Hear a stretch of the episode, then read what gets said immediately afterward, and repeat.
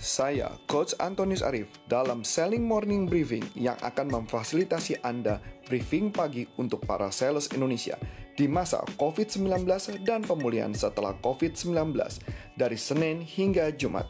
Saya adalah penulis buku NLP Highly Effective Selling, Persuasive Selling Magic, dan Selling Insight, serta buku Rahasia Menghancurkan Mental Block, serta Master Trainer Corpora Consulting – yang bergerak di bidang selling dan leadership.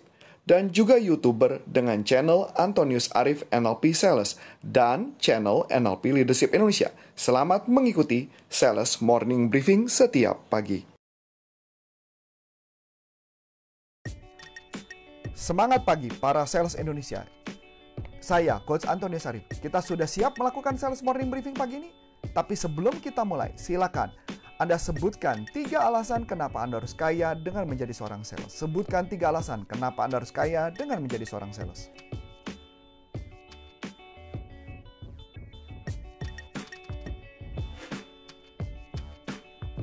Sudah?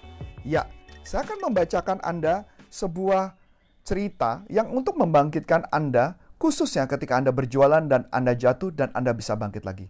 Karena ini adalah pelajaran yang penting dalam kehidupan saya yang membuat saya ketika saya jatuh, saya bisa bangkit lagi dan bisa menjadi seorang fighter. Khususnya dalam dunia penjualan. Ada seseorang bapak-bapak yang namanya Frank Salasak.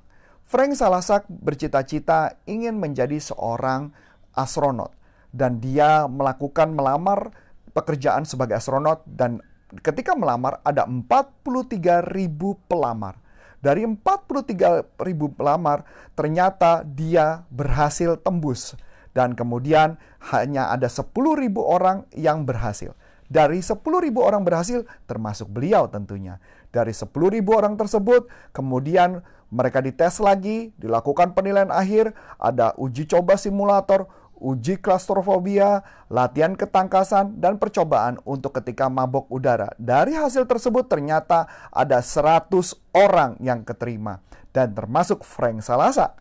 Dan ketika dari 100 tersebut kemudian diuji coba lagi dan Frank Salazar berdoa dengan sangat tekun mengatakan Tuhan biarlah aku yang terpilih Tuhan Tuhan biarlah aku yang terpilih dan tahu apa yang terjadi? Ternyata dia tidak terpilih. Hatinya hancur, dia merasa dikhianati oleh Tuhan. Ternyata NASA memilih Christina McAuliffe. Christina McAuliffe dia diterima dan dia merasa depresi, dia merasa kecewa, dia marah kepada Tuhan. Dia mengatakan, "Tuhan, apa yang kurang pada hidup saya?" Sampai akhirnya dia ingat banget, dia nonton di TV, pada hari Selasa 28 Januari 1986. Dia menonton TV melihat peluncuran roket Challenger. 6 ketika roket tersebut terbang, dia mengatakan harusnya saya yang berada di sana, harusnya saya yang berada sana. Aduh, Tuhan ini kasih karena tidak memberikan mengabulkan doa saya. Dan ketika dia melihat roket tersebut meluncur, 73 detik kemudian, tahu apa yang terjadi? Challenger meledak dan menewaskan semua penumpang. Dan Frank Salasak terdiam dan dia berpikir,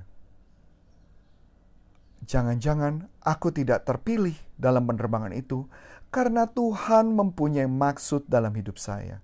Tuhan memiliki alasan lain dalam kehidupan saya, kehadiran saya di dunia. Dan sejak saat itu, dia belajar bahwa dia tidak lagi mau menyalahkan Tuhan karena Tuhan punya maksud, Tuhan punya tujuan dalam hidupnya. Dan begitu juga dengan saya ketika sebagai seorang sales, ketika saya gagal jualan.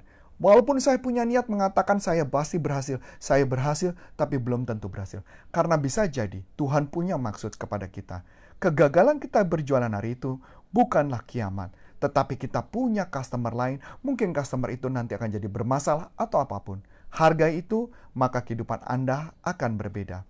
Sekarang saya minta kepada Anda, angkat tangan kanan Anda dan taruh dada Anda, dan ikuti saya. Saya percaya Tuhan punya maksud dalam hidup saya. Saya percaya bahwa Tuhan punya maksud dalam hidup saya. Saya percaya bahwa Tuhan punya maksud dalam hidup saya. Dan tunjuk muka Anda dan katakan, dan itu adalah saya. Hu ha! Jika Anda merasa bermanfaat, silakan Anda follow podcast saya dan di-share kepada teman-teman dan atasan Anda. Dan juga ikuti channel YouTube saya Antonius Arif NLP Sales dan NLP Leadership Indonesia serta website saya www.antoniusarif.com.